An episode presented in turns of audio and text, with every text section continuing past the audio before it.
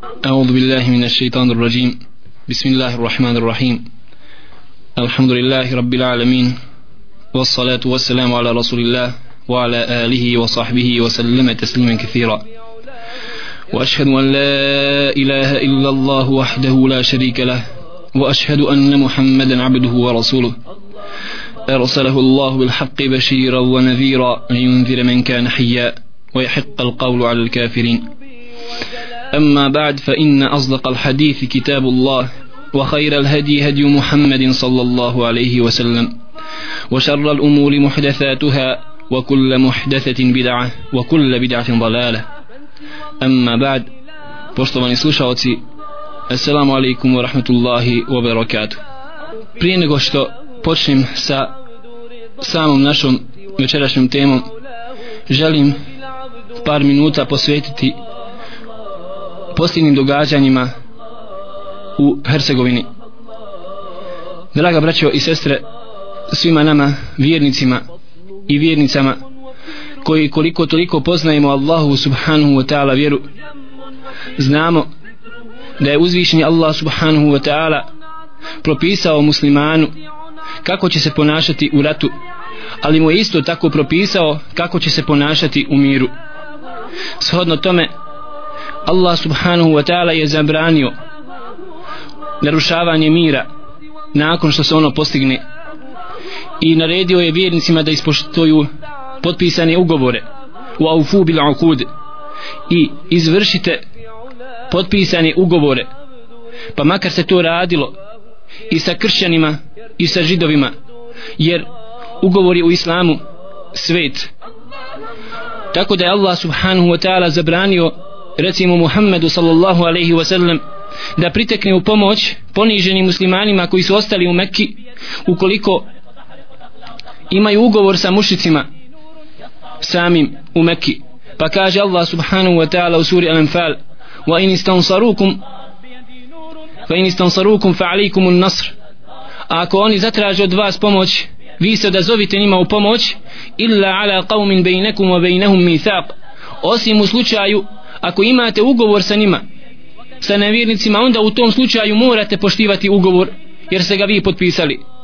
Zato kažemo uzvišni Allah subhanahu wa ta'ala obavezao muslimane da poštuju ugovore. S druge strane zabranio je da se ti potpisani ugovori narušavaju. Zato draga braćo i sestre ovo je naše vjerovanje ovo je naša dogma naša akida sa kojom čovjek treba da živi ovdje na Dunjaluku. I nikada u historiji Islama muslimani kao narod kao cijelokupan narod nisu se složili na genocidu. Za razliku od mnogih drugih gdje su oni kao narod složili se na genocidu nad muslimanima a bilo je po, pojedinaca koji su bili dobri kako je Allah subhanahu wa ta'ala opisuje walakin aktharahum fasiqun ali je većina njih fasika. To je razlika između muslimana koji kako smo rekli ponekad od njih pojedinac može učiniti određenu grešku ali narod kao narod ummet Muhammeda sallallahu alaihi wa sallam nikada se nije složio na zločinu i nad genocidu. Do te mjere draga braćo i sestre da je uzvišen Allah subhanahu wa ta'ala dozvolio da čovjek musliman čini dobročinstvo nevjernicima, kršćanima i židovima pod dva uslova kako kaže Allah subhanahu wa ta'ala la yanhakum Allahu anil ladhina lam yuqatilukum wa lam yukhrijukum min diyarikum an tabarruhum wa tuqsitu ilayhim. Kako kaže Allah subhanahu wa ta'ala Allah vam ne zabranjuje da činite dobročinstvo i da budete pravedni prema nevjernicima prema kršćanima i prema židovima u slučaju osim ako su vas oni protjerali iz vaših domova odnosno ukoliko su ubijali muslimane u ratu. Ukoliko u ova dva slučaja. Oni nisu učestvovali nisu se direktno borili protiv muslimana i nisu protjerivali muslimane iz njihovih domova iz njihovih kuća. Nema problema da čovjek učini dobročinstvo kao recimo sadaku da da u tom slučaju kršćaninu ili židovu. Ukoliko se desi ubistvo od strane muslimana u odnosu na nevjernika sa kojima muslimani imaju ugovor o primirju, o nenapadanju. Ebu Hanife rahmetullahi alaihi smatra čak do te mjere da ima pravo vladar i da ga osudi na smrt. Mada ispravno mišljenje kod većine islamskih učenjaka jeste da la yuqtalu muslimun bi kafir da se ne može ubiti musliman za nevjernika nego da sud pripada vladaru sudi kadi koji mu odri izriče kaznu kao recimo određeni broj godina zatvora ili neku dru, neki drugi vid kazne. Međutim draga braćo i sestre kada je u pitanju ovaj nemili događaj želim isto tako da govorim o njemu i sa jednog drugog aspekta. Kroz prizmu jednog kuranskog ajeta iz sure Al-Baqare gdje Allah subhanahu wa ta'ala je objavio jedan kuranski ajet povodom jednog događaja. O kojem događaju je zapravo riječ? Radi se o tome da je Allahu poslanik sallallahu alaihi wa sallam poslao jednu grupu ashaba na čelu sa Abdullahom Đahšom radi Allahu ta'ala anhu. U prvi pohod koji inače prvi pohod u islamu koji je uputio Allahu poslanik Muhammed sallallahu alaihi wa sallam iz Medine prema Mekki. Pa su nedaleko od Taifa nekih 150 ili 170 km od Mekke susreli muslimani par mušrika u mjesecima kada je Allah subhanahu wa ta'ala zabranio ubijanje i vođenje ratova koji su poznati u islamu kao Ashurul Hurum sveti mjeseci pa su iz nehotice iz neznanja jedan od ashaba pa je iz nehotice iz neznanja jedan od ashaba ubio jednog mušrika koji se zvao Amr al-Hadrami tako da su mušici veliku diglu, digli kampanju protiv muslimana optuživši Allahu poslanika Muhammeda sallallahu alaihi wa sallam kako Muhammed sallallahu alaihi wa sallam ubija mušrike u svetim mjesecima. Pogledajte ovako su željeli da optuže islam ovako su željeli da optuže Muhammeda sallallahu alaihi wa sallam da ubija mušrike u svetim mjesecima i da ne poštuje ove svete mjesece koje su čak poštivali i poštovali i mušici pa je Allah subhanahu wa ta'ala na ovu njihovu veliku propagandu protiv muslimana i protiv islama i protiv Muhammeda sallallahu alaihi wa sallam i njegovi ashaba objavio jedan kuranski ajet koji te kako može poslužiti u ovom vremenu kaže uzvišeni Allah subhanahu wa ta'ala po pitanju ovog događaja يسألونك عن الشهر الحرام قتال فيه قل قتال فيه كبير وصد عن سبيل الله وكفر به والمسجد الحرام وإخراج أهله منه أكبر عند الله Wal fitnetu والفتنة أكبر من kaže Allah الله wa ta'ala o Muhammede pitaju te o svetom mjesec, o sveti mjesecima i o ubijanju njemu. Kul resi o Muhammede ubijstvo u sveti mjesecima je velika stvar. Jeste to što je iz nehotice ta jedan ashab ubio ovoga mušrika u zabranjenim mjesecima? Jeste greška i grije i nije Allah subhanu wa ta'ala to dozvolio i zabranio je to. Ali pogledajte draga braćo i sestre wasaddu nan sabili Allahi wa kufrum bihi ali odvraćanje od Allahovog puta kojeg su mušici činili kojeg su zapričavali Muhammedu sallallahu alaihi wasallam wa kufrun bihi i kufr nevjernika prema Allahu subhala wal masjidil haram i to što ste zapriječili muslimanima da dolazi kod Kaabe wa ihrađu ahlihi i to što ste protjerali muslimane i što ste i vi mučili daleko veći broj poput Bilala, poput Sumeije koji se tako svire pobili jeste kod Allaha subhanahu wa ta'ala veći.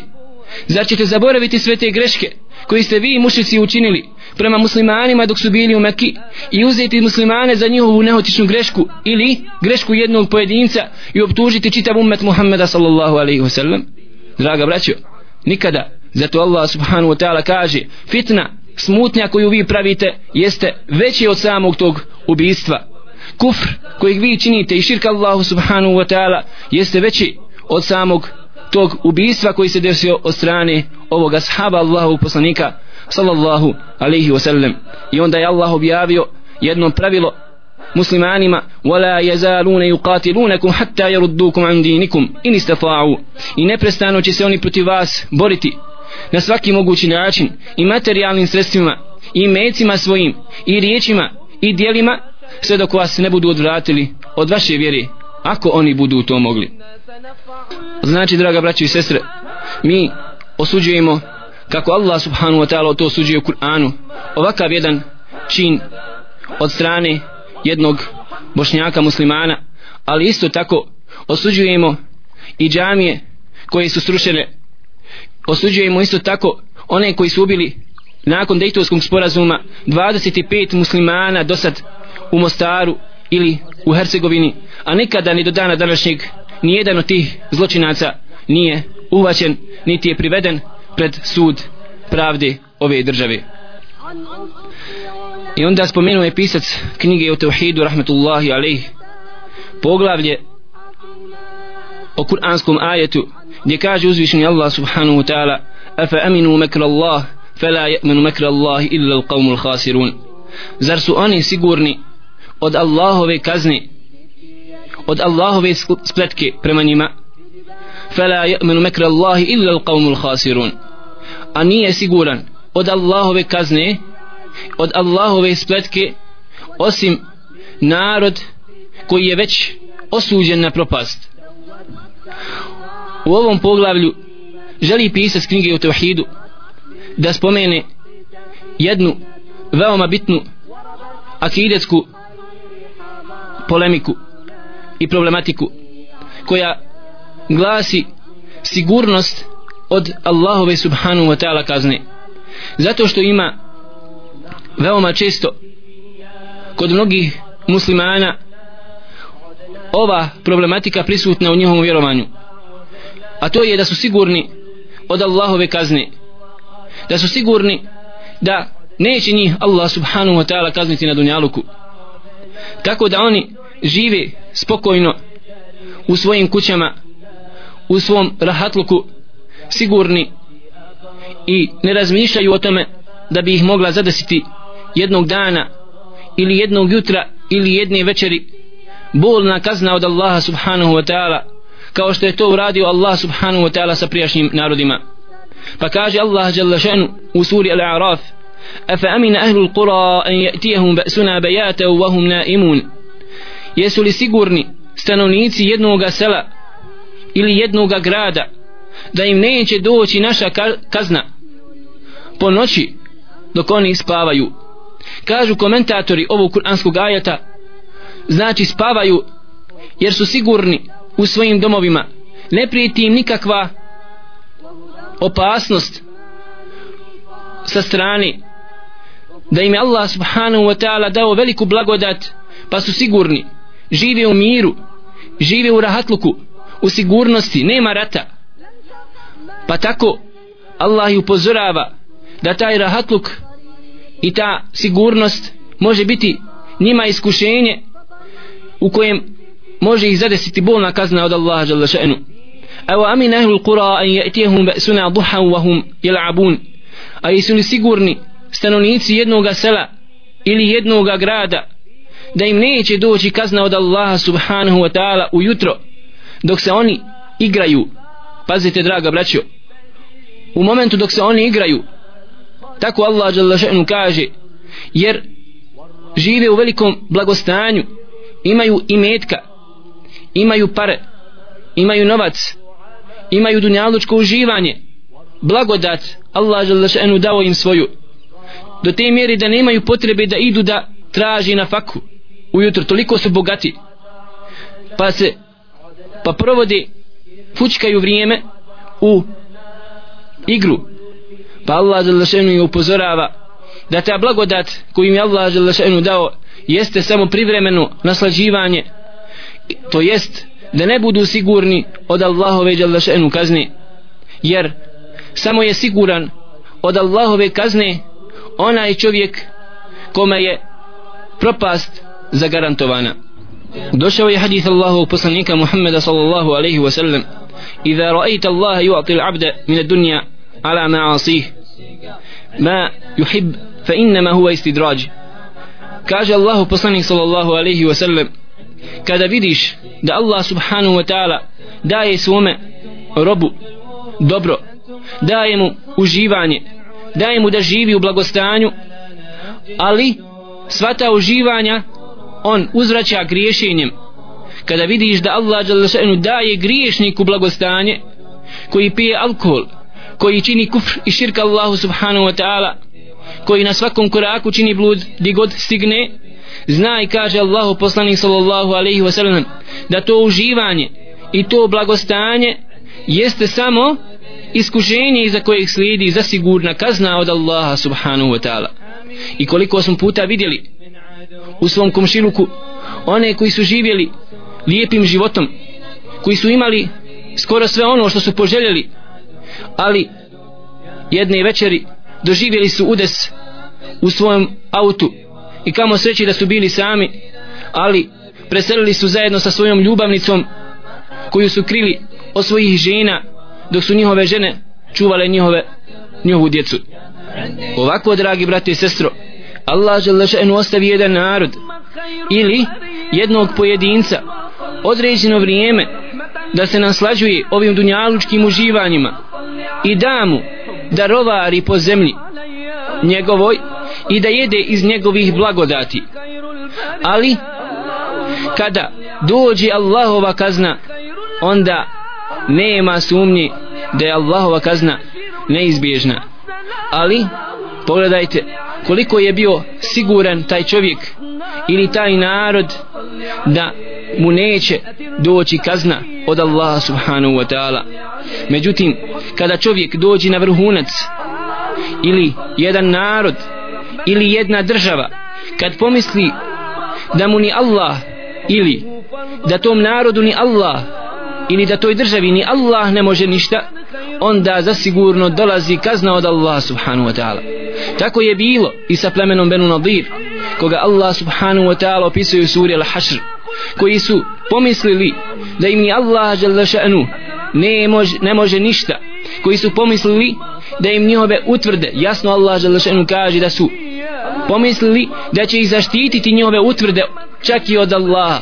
فأتاهم الله من حيث لم يحتسبوا pa im je došao Allah subhanahu wa ta'ala odande odakle se nisu ni nadali jeste draga braćo i sestre ovako kada jedan pojedinac dođe na taj stepen vjerovanja i ubjeđenja da mu ne može Allah subhanahu wa ta'ala ništa i da je siguran da Allahove kazne onda dolazi kazna od Allaha jalla ša'nu i to na način odakle se taj pojedinac ili taj narod ili ta država ni nenada i tako je bilo sa faraonom koji je na kraju čak sebe proglasio za Bogom koji se stavio na mjesto Allaha subhanahu wa ta'ala koji je rekao ene rabbukumul a'la ja sam vaš uzvišeni gospodar.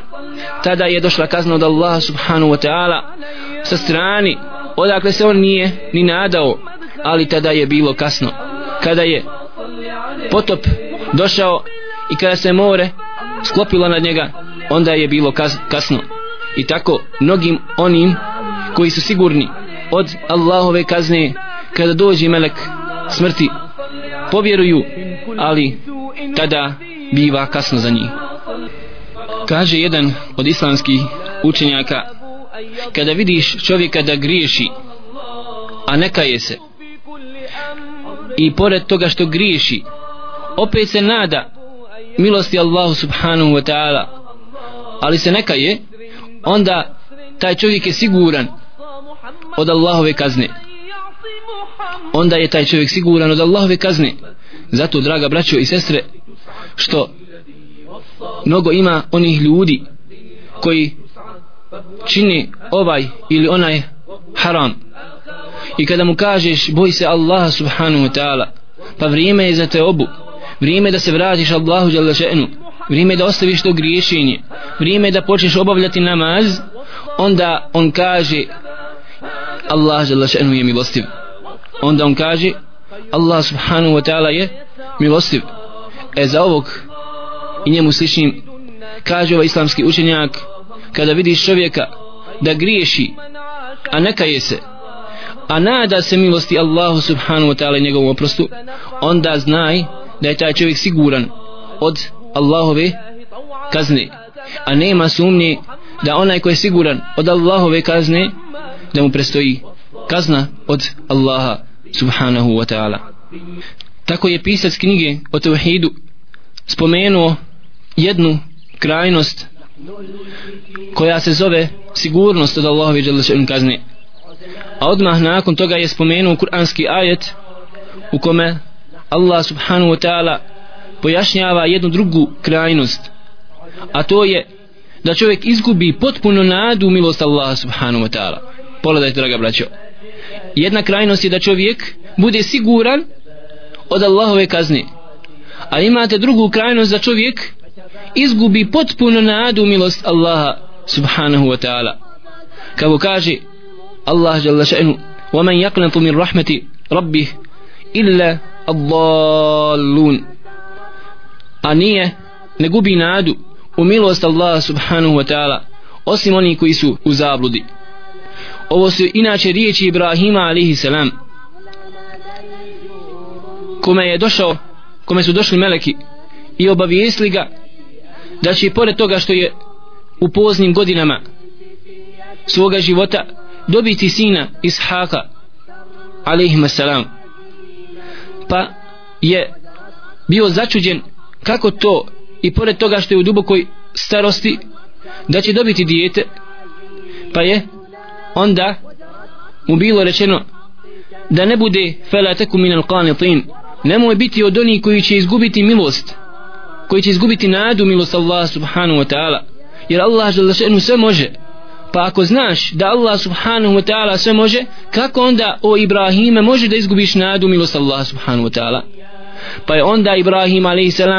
rekao da ne gubi nadu u milost Allaha subhanahu wa ta'ala osim onaj koji je u zabludi zato dragi brate i sestro treba da znaš da makoliko tvoji grijesi bili veliki makoliko tvoji grijesi bili veliki treba da znaš da je milost Allaha subhanahu wa ta'ala veća i da ne smiješ izgubiti nadu u milost Allaha jalla še'nu.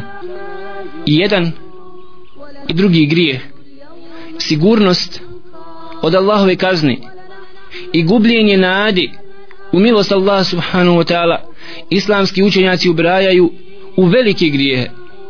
Do te mjere da je Omer ibn Khattab radijallahu ta'ala anhu vidio da gubljenje nade u milost Allaha subhanahu wa ta'ala da čovjek pomisli da mu Allah neće oprostiti neki grije. I Omer radijallahu ta'ala anhu je smatrao to objeđenje to vjerovanje, to mišljenje o Allahu subhanahu wa ta'ala većim grijehom od samog harama od samog grijeha za koga je izgubio nadu u Allahu subhanahu wa ta'ala milost.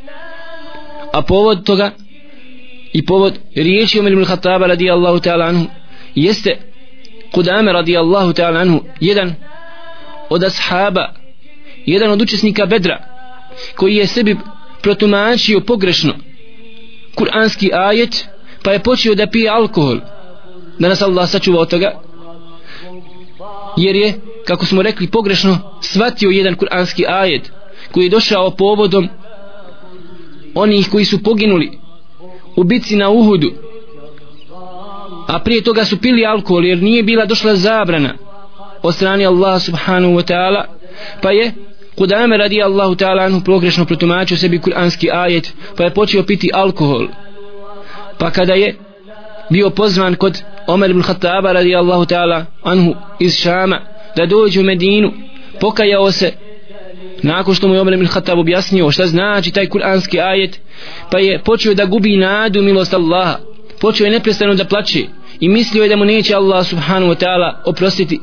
Pa mu je Omer ibn Khattab napisao jedno pismo u kome mu je rekao to što si pio alkohol jeste grijeh ali to što misliš da ti Allah neće oprostiti grije jeste veći grije od samog pijenja alkohola.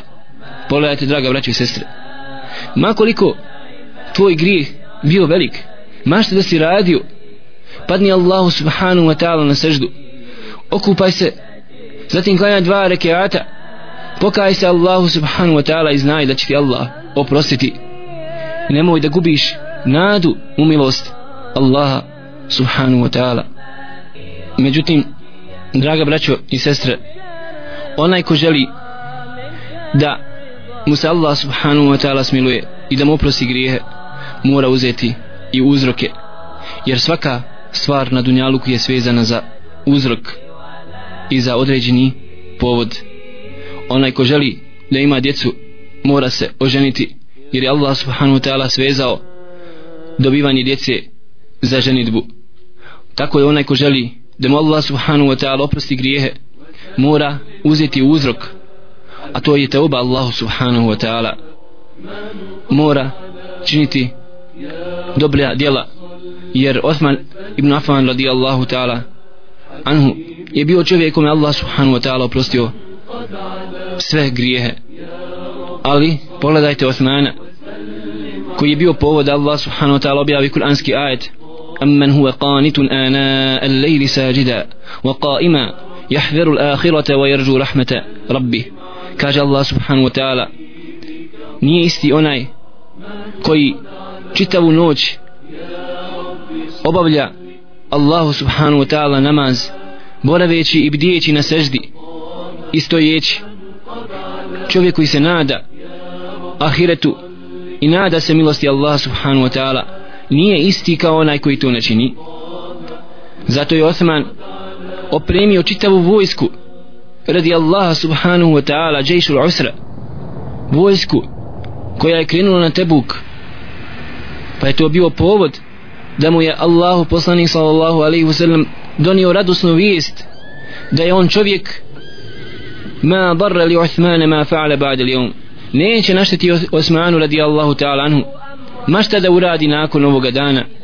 Ovako su ashabi Allahu poslanika sallallahu alaihi wa sallam uzimali dunjalučke uzroke i nadali su se onda nakon toga milosti Allaha subhanahu wa ta'ala.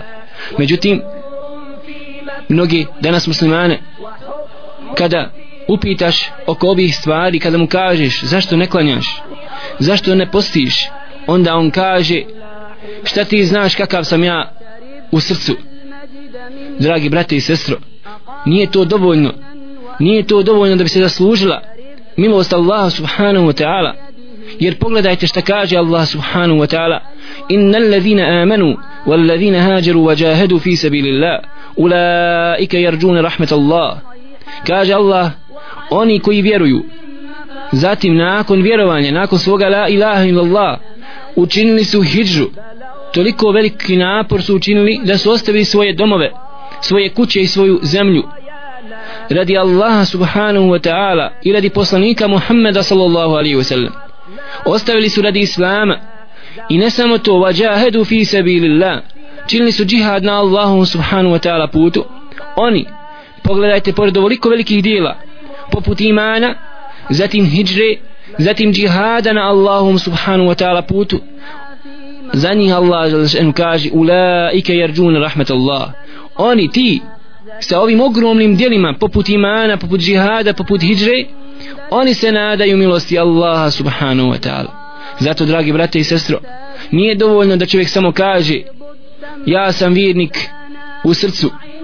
To vjerovanje mora se očitovati u našim dijelima pa da bi onda zaslužili milost Allaha subhanahu wa ta'ala i da bi onda zaslužili oprost od njega. Ali treba da znaš da ne smiješ gubiti nadu u milost Allaha Đalašenu jer makoliko kažemo makoliko tvoj grijeh bio velik treba da znaš da je Allah subhanahu wa ta'ala najveći. Treba da znaš da je Allah subhanahu wa ta'ala milost velika. Wa rahmeti wasiat kulle šeji فسأكتبها للذين يتقون كاج الله سبحانه وتعالى مويا ملوسي ندمش الأسفاء مويا ملوسي ندمش الأسفاء ورحمتي وسعت كل شيء فسأكتبها للذين يتقون يا سمي odredio za koga za one koji se budu bojali Allah subhanahu wa ta'ala koji budu poštovali Allahove granice i Allahove zabrane klonili se onoga što je Allah zabranio i budu učinili ono što je Allah subhanahu wa ta'ala naredio za njih je Allah odredio ovu neizmjernu milost koja je nadmašila sve عن عبد الله بن عباس رضي الله تعالى عنهما أن النبي صلى الله عليه وسلم, صلى الله عليه وسلم سئل عن الكبائر od Abdullah ibn Abbas radijallahu ta'ala anhuma se prenosi da je bio upitan Allahu poslanik sallallahu alaihi wa sallam o velikim grijesima. Pa je rekao Allahu poslanik sallallahu alaihi wa sallam a širku billah da je veliki grijeh širk Allahu subhanahu wa ta'ala wal jesu min rauhillah. Zatim gubljenje nade u milost Allaha subhanahu wa ta'ala u pomoć Allaha jalla še'nu odnosno gubljenje nade da kada te zadesi neko iskušenje, neki belaj, da ti se neće smilovati Allah pa ti otkloniti tu nedaću i tu tegobu. Pogledajte, u veliki grije to spada. I treći grijeh, wal amnu min nakrillah, i da čovjek bude siguran od Allahove subhanu wa ta'ala kazni. Zato, dragi brate i sestro, treba da znaš da makakav tvoj bio belaj velik, makakav, makakvo da ti bilo iskušenje veliko, treba da znaš da je milost Allah subhanahu wa ta'ala velika. I da trebaš moliti Allah i da trebaš vjerovati da Allah može da ti otkloni tu nedaću i taj belaj.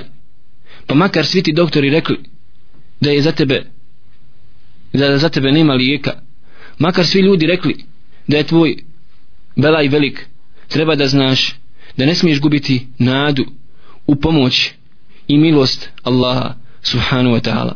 Dok s druge strane treba da znaš da je takođe veliki grije ono što smo govorili u samom početku našeg predavanja a to je sigurnost od Allahove subhanahu wa ta'ala kazne. I tako ti ovdje na dunjalu ko ideš na taj način što se nadaš u milost Allaha subhanahu wa ta'ala a s druge strane bojiš se da ti Allah subhanahu wa ta'ala na tom putu ne bude kaznio. Ovako je stvar vjernika ispravnog vjernika u Allaha subhanahu wa ta'ala. Molim uzvišnog Allaha subhanahu wa ta'ala da se smiluje nama da se smiluje našim roditeljima bilo da su oni živi ili da su umrli.